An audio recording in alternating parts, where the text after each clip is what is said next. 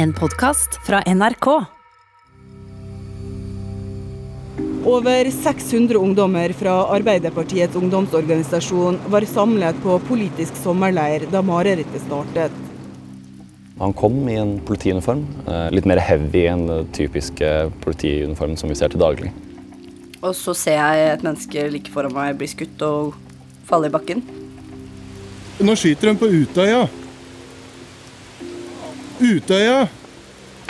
Det er litt som å leke i en syk form for gjemsel. Håper purken kommer snart, da. Da faller mennesker ned fra den fjellhylla over oss. Noen faller fordi de er skutt, og noen faller fordi de faktisk faller ned. Hvorfor er det ikke noen sirener eller noe som helst der? Store mengder politi ankom Utøya i Tyrifjorden i Buskerud i ettermiddag, etter at en person som skal være utkledd som politi, begynte å skyte rundt seg. Du hører på hele historien 22. juli av Kjetil Saugestad og Line Alsaker. Tredje episode Utøya fra klokken 10.30 til 17.59.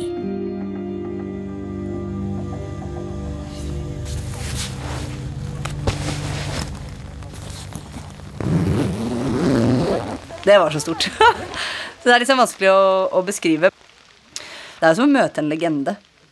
22 år gamle Tonje Brenna er generalsekretær i AUF og sjef for årets politiske ungdomsleir på Utøya i Tyrifjorden. Fredag 22. juli 2011 har arrangørene klart å få tidligere statsminister for Arbeiderpartiet, Gro Harlem Brundtland, som hovedtaler om formiddagen. Vi strevde jo veldig med å sørge for at eh, Gro, som hadde kritthvite joggesko, skulle få noe bedre å ha på beina når hun gikk opp den gjørmete veien opp til storsalen. Gro, som ikke har vært på Utøya på ti år, har ikke tatt hensyn til verken vær eller føre da hun valgte sko denne formiddagen. Det regner kraftig. Så i den halvtimen før, tror jeg, så løp jeg fra telt til telt for å finne et par gummistøvler i riktig størrelse. Jeg mener hun har ganske små bein. Så eh, det var jo en del av forberedelsene. Og så kom hun der da i eh, hvite bukser med røde gummistøvler lånt av en veldig stolt jente. Det er en litt slapp fredagsmorgen. Mange av ungdommene i Arbeidernes ungdomsfylking har knapt sovet siden leiren startet på onsdag. Man satt trykka sammen i den lille salen, og det var klamt og ekkelt. Folk var litt sånn småblaute fordi det hadde rundet litt inn i teltene. Kioskansvarlig Renate Tårnes fra Ørlandet er en av 564 personer som er på AUF sommerleir på Utøya 22. juli. 530 er tenåringer og unge voksne. Den yngste påmeldte er 13 år. For mange av deltakerne er leiren på Utøya ikke bare sommerens, men årets høydepunkt. Det er stappfullt av folk i storsalen i kafébygget, og det er dogger på rutene. Og det lukter ikke pent.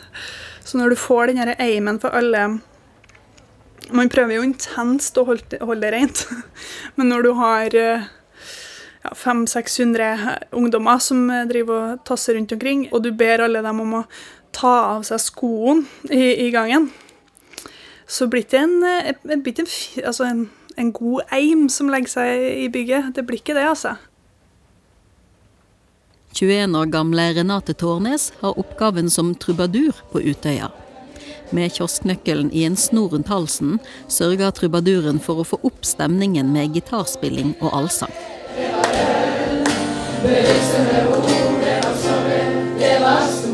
Og sånn halvveis i sangen så plutselig alle reiser seg opp, og stor applaus, og, det sånn, og folk synger, og det er liksom så ekstremt god stemning. da. Og jeg tenkte bare Yes! Nå, nå har jeg fått det til. Ja, det var kjærlighet! Og så kikker jeg på sida av meg, så står plutselig Gro der. Eh, og så innser jeg at å ja, OK. det, var ikke meg, det var Gro. Ja, det er hyggelig å være her igjen. Uh, og jeg tenkte jeg skulle dra dere gjennom en del av min lange historie. Gro Harlem Brundtland blir på Utøya noen timer etter at hun er ferdig med foredraget. Hun besøker teltplassene til de ulike fylkeslagene, og AUF-ene flokker seg rundt den politiske superstjernen i pøsregnet. 21 år gamle Dana Basingi fra Skedsmo lokallag er på leiren sammen med to yngre søstre på 16 og 19 år. Dana er B-menneske og går nesten glipp av grobesøket. Så bodde mine foreldre i et studentkollektiv. Jeg er kjent for å komme for seint til alt og må vekkes til det meste. Så jeg ble vekka, eh, var med på det, og så gikk jeg tilbake og sov helt til det var klart med, til fotballen. ja. Det er gjørme overalt. Allikevel fortsetter den årlige fotballturneringen mellom de forskjellige lokallagene i AUF. Dana har en skadet ankel. Både i første kampen og andre kampen så ble jeg sparka i akkurat ankelen der jeg har vondt, så det var eh, Ja. Første kampen holdt jeg ut, andre kampen så måtte jeg nesten bytte ut. det var kjempevondt. Gro Harlem Brundtland drar fra Utøya rundt klokken 15. Så gikk jeg tilbake til teltet og sovna, og så våkna jeg igjen. Jeg tror det var uh, lunsjtid. Og det var vår tur å, å ha lunsj. Bare 20 minutter etter at Brundtland har forlatt Utøya, skjer det.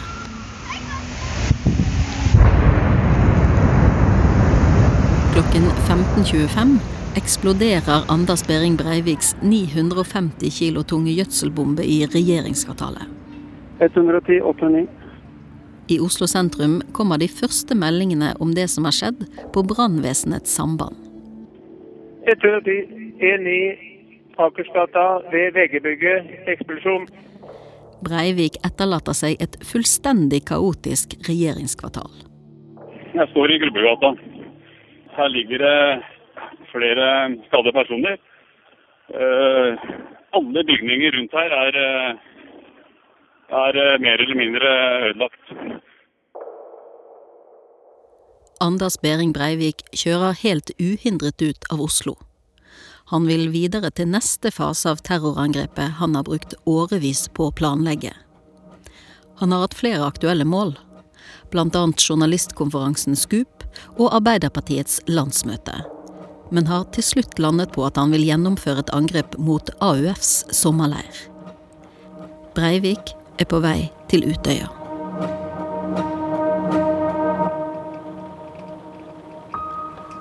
Tonje Brenna er i et møte med driftssjefen på Utøya, Monica Bøsei, i hovedhuset på Utøya da nyheten om den store eksplosjonen i Oslo kommer.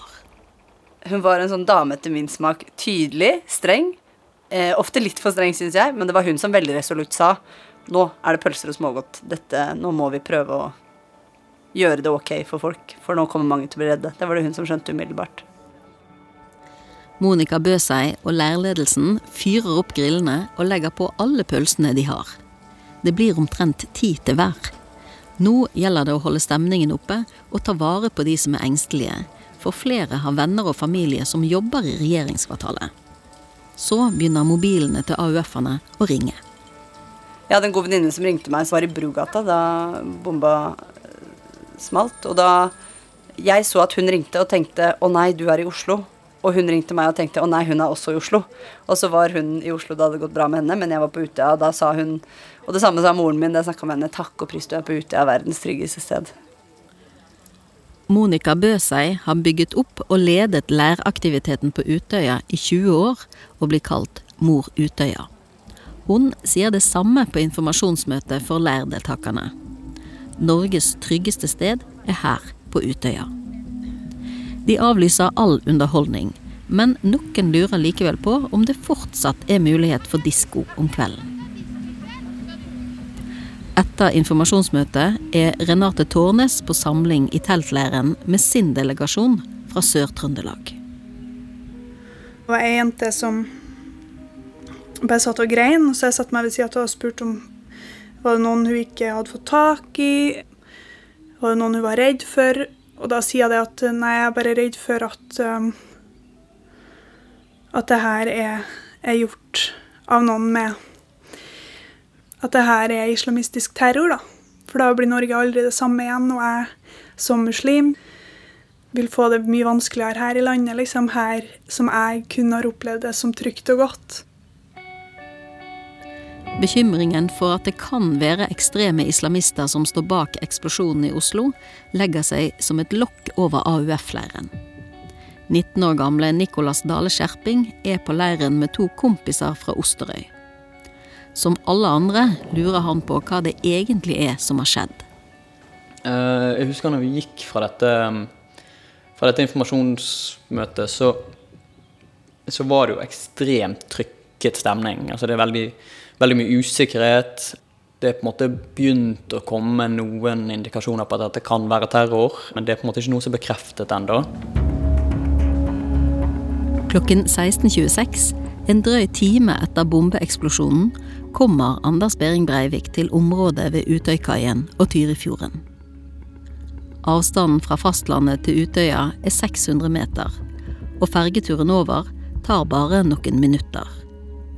På radioen handler alt om det som har skjedd i Oslo.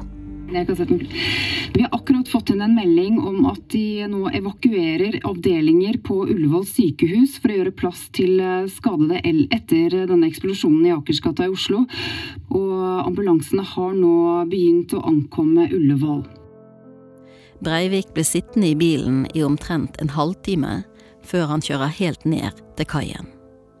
Han har med seg en pistol og et gevær med påmontert bajonett. Begge våpen har lasersikte. I bagasjerommet til bilen står det en svart koffert. I den er det røykgranater og 1400 skudd. Så kontakter Breivik informasjonen på landsiden. Han vil over fjorden, til Utøya.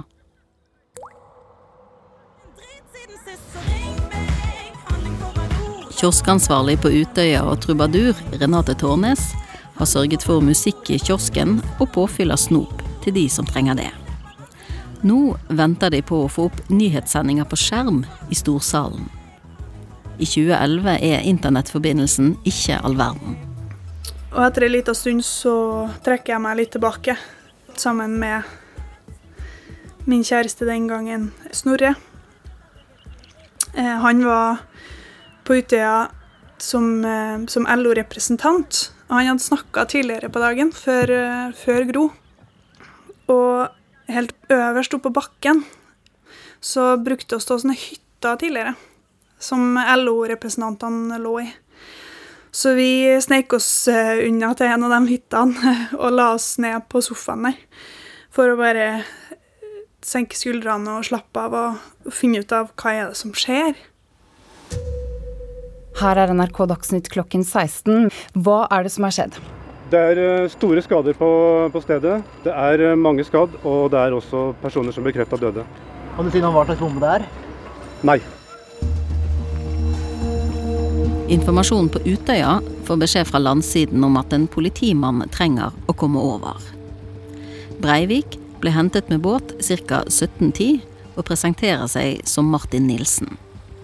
Han sier at han kommer fra PST, Politiets sikkerhetstjeneste. Så forteller han at han har kommet for å undersøke sikkerheten på Utøya etter eksplosjonen i Oslo, og at det kommer til å komme to andre politifolk litt seinere. Matrosen på MS Torbjørn denne dagen er Johannes Dalen Giske. Han kom i en politiuniform. Det så ut som en slags sånn bombepolitiuniform. Eh, litt, sånn, litt mer heavy enn den typiske politiuniformen som vi ser til daglig mor Utøya, Monica Bøsei, er med på båten til fastlandet. Hun vil snakke med politimannen før han kommer over til Utøya. Bøsei ber Breivik om å dekke til geværet han har med seg, så han ikke skremmer AUF-ene unødig. Han pakker inn geværet i to svarte plastsekker. Så stiller han seg helt foran på båtdekket og putter hvite ørepropper i ørene, samtidig som han drikker fra en tynn slange som stikker opp fra ryggsekken han har på seg.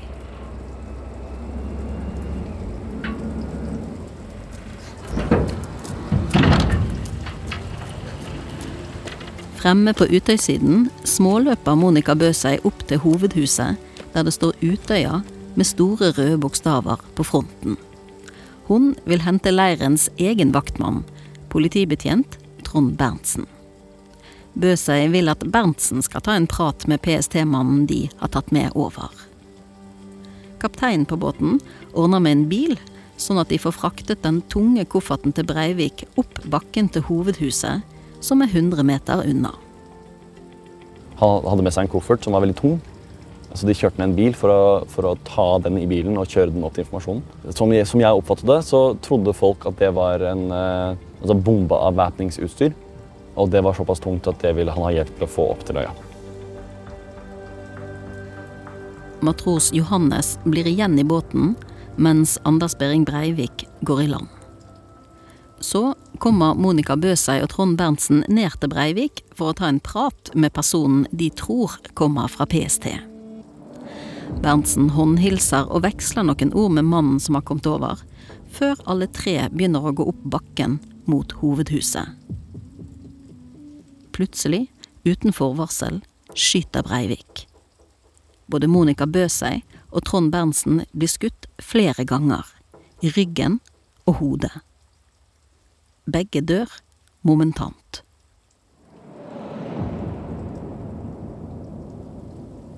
Da står jeg oppe på plassen foran kafébygget um, og snakker med noen. Sikkert om Oslo, eller prøver å løse et eller annet i den forbindelse. Og så hører jeg fra kaia liksom det jeg oppfatter som kinaputter. Tonje Brenna står og snakker i mobilen, nesten helt øverst på Utøya, da hun hører smell. Hun forstår ikke at lyden som kommer nede fra bryggen, er skudd. Og jeg har til dags dato til gode, tror jeg, bli så sint som jeg ble da, for da tenkte jeg det er ikke mulig, her er folk livredde etter det som har skjedd i Oslo, og så begynner noen med kinaputter. Og jeg bare Jeg kjente bare Jeg ble så sint at jeg løp så fort jeg kunne i den retningen. For jeg tenkte de som driver med de kinaputtene, de må bare stoppes før folk hører dette. Men så kom jeg akkurat over toppen der hvor øya er høyest, like før det bakken begynner. Og så ser jeg et menneske like foran meg bli skutt og falle i bakken. I samme øyeblikk kommer kapteinen på båten løpende mot henne og roper at Tonje må snu og løpe for livet. Han har nettopp sett samboeren Monica Bøsei bli skutt. Jeg tror jeg brukte litt flere sekunder på å skjønne det enn jeg trodde sjøl, fordi jeg har jo bare sett folk bli drept på film før. Og der, når man blir skutt i Hollywood, så flyr man jo bakover, og det er lyder og effekter. Mens her så var det liksom bare som om noen dro ut stikkontakta på den personen som sto foran meg. som bare falt rett ned. Nicolas Dale Skjerping sitter litt ovenfor hovedhuset og tror, som flere andre, at smellen han hører må være en skikkelig dårlig spøk. Så jeg reiser meg egentlig for å gå bort og, og se hvem dette her er. Eh, og da kommer det en løpende forbi oss, og på en måte det, det ansiktsuttrykket kan man på en måte ikke, ikke glemme. Det er, noe, det er noen eh, Jeg tror det var første gangen jeg så på en måte ekte dødsangst i ansiktet på noen. Ingen trenger å si noe, du bare skjønner at nå er det helt sinnssykt alvor. Og kroppen forstår det med en gang. Og så ropte han jeg var med at vi skulle løpe, og så løper han, og da, da bare kobler hodet ut. Og så bare handler man på instinkt, da. Nicolas løper vekk fra skuddene, opp bakken og mot kafébygget der flesteparten av AUF-ene er samlet. Renate Tårnes og kjæresten Snorre ligger fremdeles på sofaen og slapper av i de små campinghyttene like ved kafébygget da de hører smell. Renate blir rasende og spretter opp.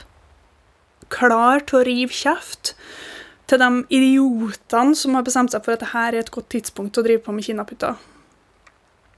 Så jeg eh, springer mot døra før jeg kjenner at liksom Snorre tar tak i meg, og så sier han at det her høres ikke rett ut, det her høres ut som skudd. Renate og Snorre går til hovedinngangen til kafébygget. Og møter en god kompis av oss som da har et sånt samband på seg. Fordi arbeidsgjengen kommuniserer med hverandre på øya via et sånt samband. Og han Kristoffer, da, han eh, forteller at eh, at det skal komme en politimann på øya for å, for å sikre. Så vi begynner liksom å prate litt, og så På et eller annet tidspunkt så begynner jeg å, å, å står på trappa utafor kafébygget og eh, og ber folk om å eh, ha seg inn i kafébygget, da. Og står der og roper og smeller og sier at liksom folk må komme seg inn.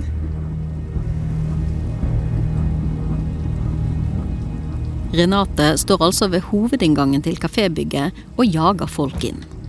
Den er på kortsiden av bygget og er markert med fargerike vimpler og plakater. Når du går inn hovedinngangen, ligger kiosken til venstre med et kontor rett innenfor. Forbi kiosken, nedover gangen, ligger storsalen. Til høyre finner du kjøkken og spisesal. Storsalen ender i lillesalen. Lillesalen har en egen inngang fra utsiden, en kort steintrapp. Helt i enden av gangen, rett frem, ligger det fem toalettbåser. Og når jeg snur meg, da, så ser jeg at uh, Snorre og Kristoffer er på vei og går imot en politimann som kommer opp bakken. Det neste jeg ser, er at uh, politimannen uh, trekker våpenet, og Kristoffer detter sammen. Snorre rekker akkurat å, å snu seg og, og se på meg før han også bare detter i koll. Og at uh, den politimannen kommer gående eh, imot kafébygget og der jeg står, da. Ble veldig obs på at han var en hvit mann. Med blå øyne. For jeg møtte blikket hans utenfor kafébygget. Det blikket er bare helt stivt. Null følelser.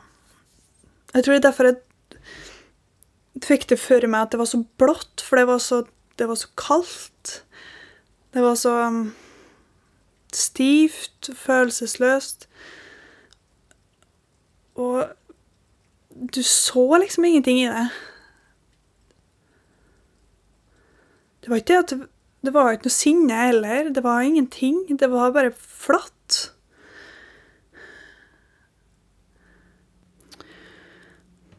Og det neste jeg husker, er at jeg, jeg sitter på innsida av døra. Av inngangen. Eh, krøka inn i et hjørne. Og egentlig er helt eh, lamslått og vet ikke helt hva, hvor jeg er, eller hva jeg skal gjøre. Før det kommer eh, ei jente som røsker tak i meg og sier at Renate, nå må vi springe. Nesten alle de mer enn 550 AUF-ene på leiren er samlet i kafébygget eller like ved i teltleiren. Ingen har egentlig fått helt med seg hva som foregår, men de skjønner samtidig at noe er helt feil. Breivik står fortsatt på utsiden av kafébygget da en rasende jente roper til han ut av vinduet og spør Hva faen er det du driver med? Han svarer helt rolig at han er politi og skal hjelpe de. Alle må bare samles først. Nicolas Dale Skjerping er allerede inne i storsalen. Det første jeg gjør, er å ta tak i første og beste jeg kjenner, og spørre på en måte om hva skjer. Vet vi noe som helst? Og det er jo ingen som gjør. Altså, jeg har hele tiden trodd at jeg står midt i rommet og har veldig sånn forståelse for at jeg ikke må stå inntil vinduer og sånn. Men vinkelen jeg har på det som skjer, tilsier at jeg har stått helt limt inntil vinduet og bare skulle få med meg alt som skjedde utenfor. Og da går han forbi på veien på nedsiden av vinduet der, og det kan du bare se hvis du står helt inne i vinduet. Og så skyter han et skudd mot noe eller noen som står utenfor min vinkel, men under der vi står. Renate Tårnes vil lenger inn i kafébygget. Så da springer jeg jo hele veien nedover eh, den gangen, den lange gangen, helt til enden av bygget. Og når jeg kommer inn der, så er det jo massevis av folk. Vi hadde jo stått der og liksom bedt folk om å ha seg inn, og folk hadde vært inn der for å lade telefonene sine, eller for å sitte og vente på at vi skulle få opp denne direktesendinga. Eller bare skjule seg fra regnet, liksom. Breivik går rolig samme vei som Renate Tårnes på utsiden, og nærmer seg inngangen til Lillesalen. Da han kommer til enden av bygget, snur han seg litt mot venstre og ser mot teltplassen. Der står mange samlet og stirrer på mannen med geværet. Så løfter han våpenet, skyter utover teltleiren og treffer to som får livstruende skader. Folk flykter i store flokker i alle retninger. Etter å ha drept og skadet minst ti personer, går Breivik opp steintrappen og inn døren til lillesalen i kafébygget. Så plutselig så står han der i, i døråpninga, og jeg bare merker at det smeller rundt meg. Og det er liksom full panikk, og folk springer ut. Og jeg krabber på gulvet og kommer meg ut og klarer å komme meg inn på et av toalettene da, som er ute i gangen der. Og få låst døra og, og sitte der sammen med ei jente fra, fra Østfold.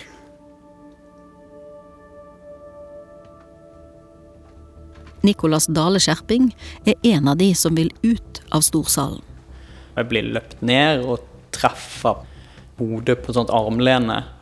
Jeg husker bare det blir, helt svart. Jeg ligger på bakken og hører på en måte bare løping og kaos rundt meg.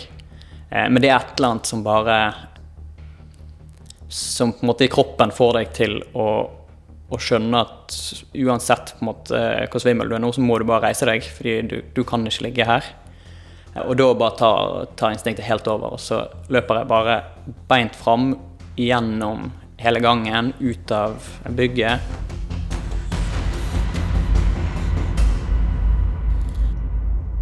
«21 år gamle Dana Basingi fra Akershus sitter i spisesalen i en annen del av kafébygget da han hører de høye smellene.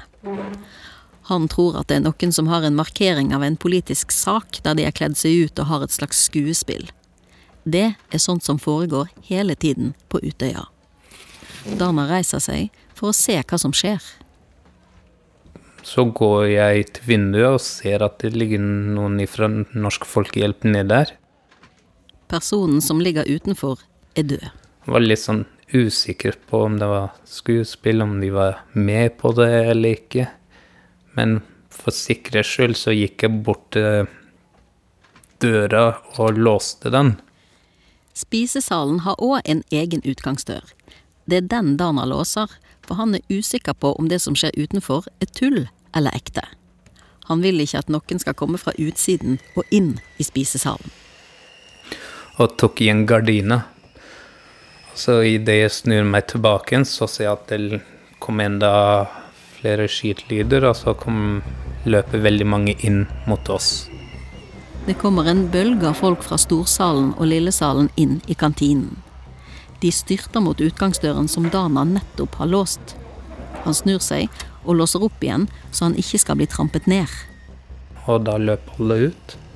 Rett utenfor døren er det en bratt skråning ned til stien som går rundt nesten hele ytterkanten av Utøya. Den kalles for Kjærlighetsstien. Matrosen på Utøyfergen MS Torbjørn, Johannes Dalen Giske, er fortsatt i båten ved fergekaien da skytingen starta lenger oppe i bakken.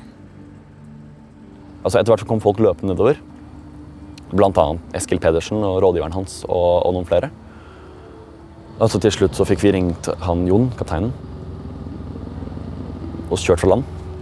Kapteinen styrer MS Torbjørn vekk fra Utøya mens han prøver å ringe etter hjelp. Samtidig har AUF-leder Eskil Pedersen og seks-sju andre gått i dekning om bord. Jeg tror det var rett og slett en slags sånn 'vi må dra'-par folk som ropte. Om det var Eskil eller rådgiveren hans eller noen andre som sa det, det vet jeg ikke. Men det var ingen rundt oss på den brygga eller i nærheten, og vi, kunne, vi hadde, ikke, hadde ikke hjulpet oss å bli der. Flere av de på båten tror at det er en fremmed makt som prøver å gjøre statskupp i Norge. AUF-leder Eskil Pedersen kommer seinere til å bli kalt feig og egoistisk av kritikere pga. flukten med MS Torbjørn, en båt som vanligvis har plass til 50 personer. De som er igjen på Utøya, prøver desperat å ringe etter hjelp. Eh, Det neste som skjer, er jo at um, At de på alarmsentralen tar telefonen. Um, og jeg er en av de første da, som klarer å, å komme gjennom til dem. Alle de fem dobåsene i kafébygget er fulle av livredde mennesker som har låst seg inne, mens de hører det som skjer rett utenfor de tynne dørene. Renate Tornes og en annen jente ligger sammenkrøllet på gulvet i den første båsen innenfor gangen, mens Renate snakker med alarmsentralen. Jeg sa det at um, det er skyting på Utøya. Uh, AUF har sommerleir her. Og det er skyting. Han skyter vilt i rundt seg. Um, og jeg husker at personen på andre sida ble sånn Hæ, hva er det du snakker om? Hvor er du hen? Hvem er du? Hva ringer du om? Politiets nødtelefon? OK, det er så faktisk skudd på Utøya i Buskerud, i Tyrifjorden. Hva er det du sier for noe nå? Det er utløst skudd i Tyrifjorden, på Utøya i Tyrifjorden på AUF sin Ja, det er sammenheng. på Sørvangen. Det er- jeg forstår her nummer 14. Det noen som er skada, eller? Ja, jeg er ganske sikker på at det er flere som er skada. Ja, er det flere skudd? Ja, det går hele tida. Det er noen som har sagt at det høres ut som løsskudd, men det er full panikk her. Ja, ok. Eh, Hva er navnet ditt? Dette er. Han er inn, han er inn. Vedkommende hører skuddene og sier at um, eh, vi forstår hva som skjer. Er det sånn at det Kan du gjenta hvor du er igjen? Så jeg sitter ganske lenge og, og ikke prater med dem, men de sitter og lytter da, på hva som skjer inni det bygget. Renate Tornes holder linjen i over 13 minutter. Så da får de med seg hele hans tur rundt i, i kafébygget, der han um, fyrer løs, da. Og til slutt så, så får jeg beskjed om at jeg må legge på, fordi at de får inn så mange telefoner. Flere prøver å gjemme seg for skuddene bak et piano i lillesalen. En jente blir truffet i begge armene, brystet og kjeven. Allikevel klarer hun å reise seg, løpe ut døren og rope at hun er blitt skutt. Hun heter Ina. Dana Bersingi er en av de som prøver å hjelpe. Det strømmer bare folk inn mot oss. Det er sånn folk løper, og det er eh, noen eh, Eneste blodige jeg så, var egentlig Ina. Og så kommer vi da rundt på baksida der, mot uh, skogen. Og så var det sånn skarpe steiner nedover der. De fleste som løper ut av kafébygget, rekker aldri å ta på seg noe på føttene, siden alle har fått beskjed om å ta av seg skoene i gangen. Dana og en annen bærer nå Ina ned den bratte skråningen bak kafébygget. De sklir nedover gjørmen i bare sokkene ned mot kjærlighetsstien. Nedenfor kjærlighetsstien er det bratte klipper og et pumpehus. De legger Ina ned på stien og prøver å finne noen fra Norsk Folkehjelp. De har ansvaret for førstehjelpen på leiren. Jeg river i stykker T-skjorta mi, så vi kan bruke det som bandasje og sånt. Og, og da kommer uh, hun Berit fra Norsk Folkehjelp og ber om å liksom flytte oss inn i gresset på sida av stien der. Og hun legger seg nederst og Ina over seg og trykker inn uh, skrulla hun har i ansiktet og sånt. Hun hadde blitt skutt flere steder, så folk holdt til flere steder for å eh, stoppe blødningen. Oh. Eh, ja, og så sitter vi der. Anders Behring Breivik dreper 13 og skader 8 i kafébygget, før han fortsetter å jakte og skyte på barn og unge utendørs. Dana sitter i ormegresset i bar overkropp og aner ikke hvor søstrene på 16 og 19 år er. Han ser etter noe han kan forsvare seg med. Så var det mye stein der, så jeg tok med meg en stein derifra. En sånn litt stor en. Utøya er formet som et hjerte. Det er en liten øy, bare en halv kilometer lang og kun 350 meter brei. Det er ungdommer overalt. I skogen, ved de bratte skrentene, under den ødelagte skateboardrampen og i gresset. De går og løper i flokker på mellom 30 og 40 personer. Skogen ser tett ut på avstand, men når de prøver å gjemme seg, merker de hvor lett det er å se folk. I tillegg har flere på seg fargerike klær som lyser opp mellom trestammene. Tonje Brenna har løpt rett ut i skogen, sørvest, mot de bratte klippene bak teltplassen. Der er det masse mennesker som eh, er like forvirra og kaotiske som meg, som løper fram og tilbake og ikke vet hvilken vei de skal, og etter hvert så er det også en del folk der som er skada, som blør. 22 år gamle Tonje Brenna organiserer en kø for å få folk vekk fra kjærlighetsstien og ned til der Utøya ender i en bratt fjellvegg. Kjærlighetsskrenten. Der går det an å gjemme seg. Og på vei ned så treffer jeg på en uh, jente som uh, er skutt i skulderen, og som jeg husker jeg bare tenkte Du er så liten, så deg kan jeg bære. Så jeg bare tok henne med. Jeg vet ikke hvor jeg fikk de kreftene fra heller, men jeg bare tenkte Du er liten. Og så tok jeg henne på fanget, putta fingeren i såret, og så bare akte vi gjørma ned der, mange av oss. Det er bratt, uh, og litt sånne fjellhyller, nesten. Så er det ganske få meter egentlig før du er ved vannet. Og det lå liksom folk skjult inni hyllene hele bortover. Altså vi så mange andre, men eh, heldigvis eh, for mange av oss så var det jo såpass bratt at det var vanskelig å se ovenfra. Nicolas Dale Skjerping har løpt ut av hovedinngangen til kafébygget i motsatt retning av Tonje Brenna.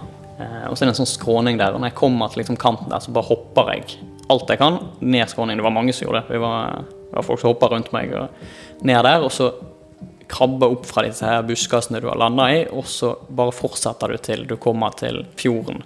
Til Tyrifjorden. Og da kommer du liksom til en ende. Det er fullt av folk alle plasser, og det virker som om alle gode gjemmesteder er tatt.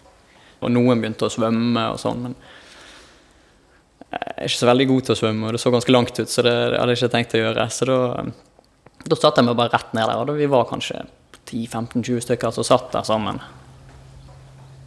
Nesten ingen utenfor Utøya har fått beskjed om massakren som foregår på sommerleiren. Men kun ti minutter etter at skytingen starter, begynner sentralbordet til politiets nødtelefon å lyse og blinke. Det er hundrevis av AUF-ere som prøver å varsle om det som skjer, og be om hjelp. Da går på en måte stien rett over oss, og så sitter vi på en måte bare på, på bergknausen som stikker ut mot vannet. Så, så, hvis du reiser deg opp, så har jo du stien kanskje i brystkassehøyde eller noe sånt, mens hvis du sitter, så ligger kanskje stien rett over hodet ditt. da. Så det er jo ikke sånn at du gjemmer deg veldig godt. Det er det jo ikke. Sjøl om ungdommene løper som skremte fugler hver gang Breivik skyter, så har han det ikke travelt når han beveger seg rundt. Han har geværet hengende på skulderen og pistolen i et hylster på låret. Da han står øverst på en liten bakketopp, kommer han over en gruppe på elleve personer som har lagt seg ned langs kjærlighetsstien og prøver å spille døde. Så starter skytingen igjen. Ti blir drept på kjærlighetsstien mens de ligger delvis oppå hverandre og holder hender.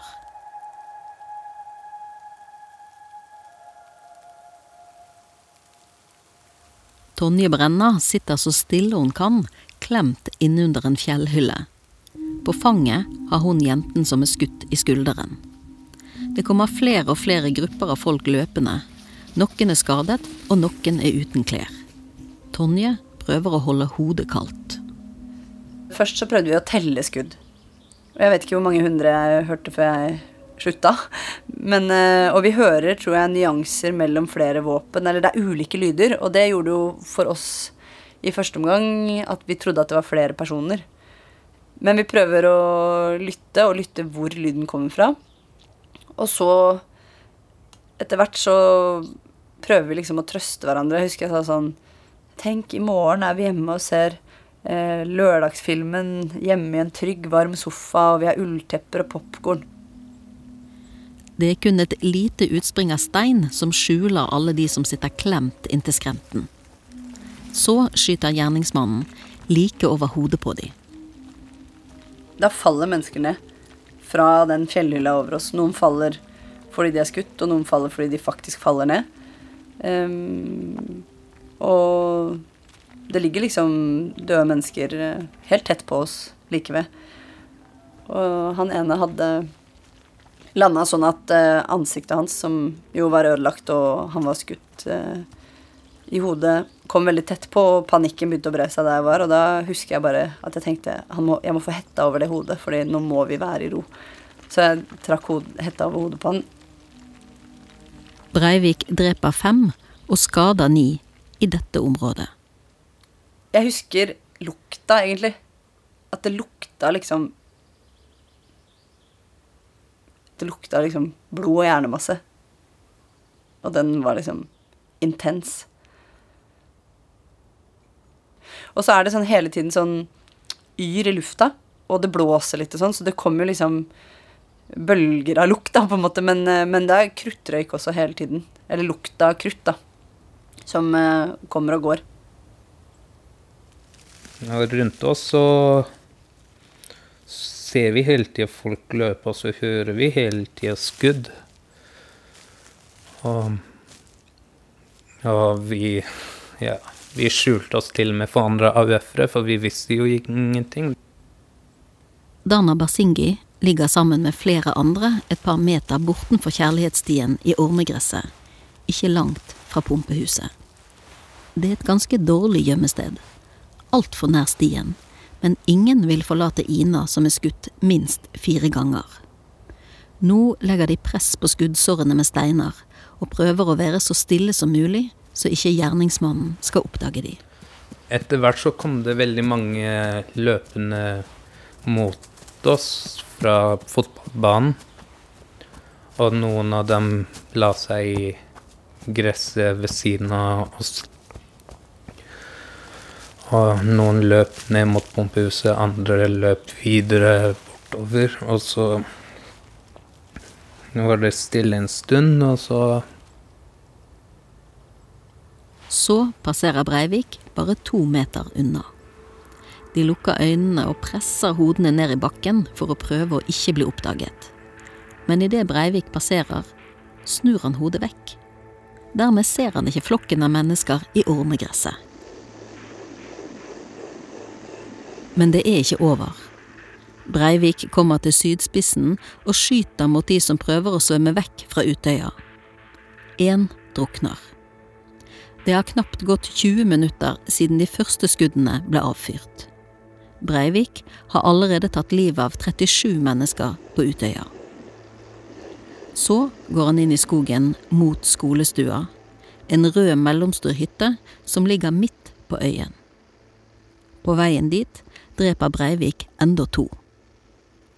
Inne i skolestua har 47 mennesker forskanset seg. De ligger under køyesenger, sofaer og bak madrasser, presset tett sammen mens de klamrer seg til hverandre. Even Kleppen fra Norsk Folkehjelp er en av de. Så jeg titter ut, uh, ser en person gående rolig mot døra. Her skjønner jeg med en gang at det er ikke en ungdom som kommer, for han går for rolig til å være en ungdom. Han og kommer mot døra, så da snur jeg meg og sier til dem i rommet at nå kommer han. De har dratt for gardinene og satt madrasser mot vinduene, så det skal være umulig å se inn. Even Kleppen har låst inngangsdøren og står på kne på alle fire rett innenfor døren. Og da hører jeg han tar i dørhåndtaket, og så krabber jeg, krabber jeg litt framover, og da, da smeller det. Da er det to skudd som jeg hører veldig tydelig, og da løper jeg i andre hjørnet.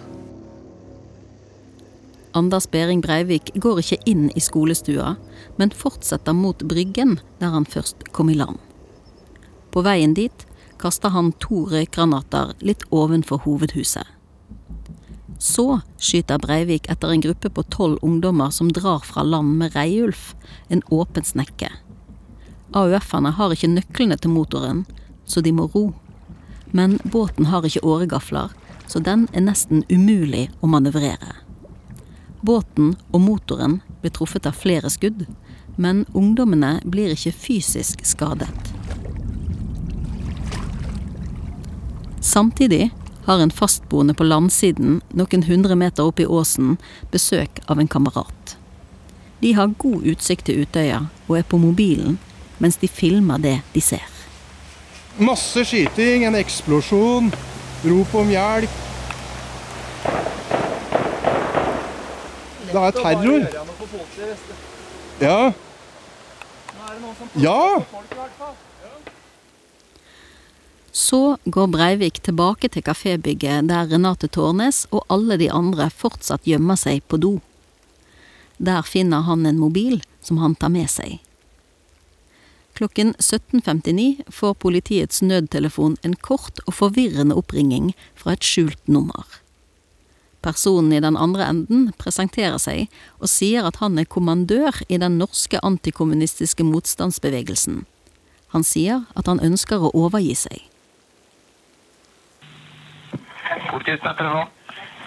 Ja, god dag. Jeg er kommandør Anders Behring Geirvik i den norske antikommunistiske motstandsbevegelsen. Jeg er på Utøya for øyeblikket. Jeg ønsker å overgi meg. Ok. Så hvilket nummer ringer du fra? Jeg ringer fra en mobil. Du ringer fra din mobil? Ja. Nei, ikke min mobil, en annen. En annen. Hva heter du for noe? Hallo? Så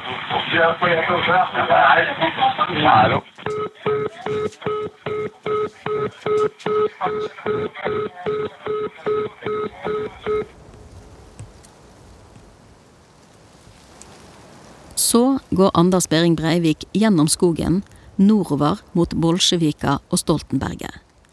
Der sitter det åtte ungdommer som har gjemt seg blant knauser og trær, helt ytterst på Utøya.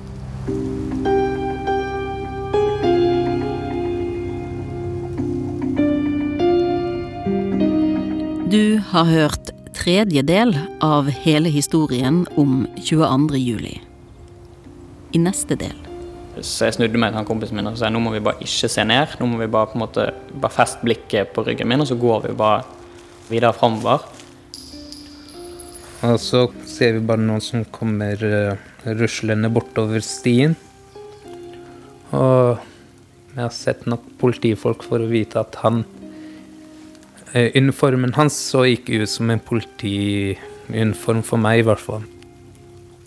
Utdraget fra nødsamtalen til Renate Tårnes er publisert med samtykke fra Tårnes og operatøren på 112.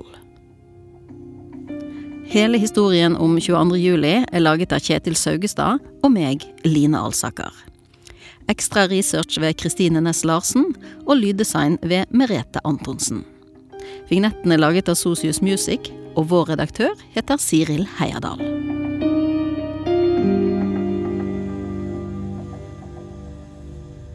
Du har hørt en podkast fra NRK. Hør flere podkaster og din NRK-kanal i appen NRK Radio.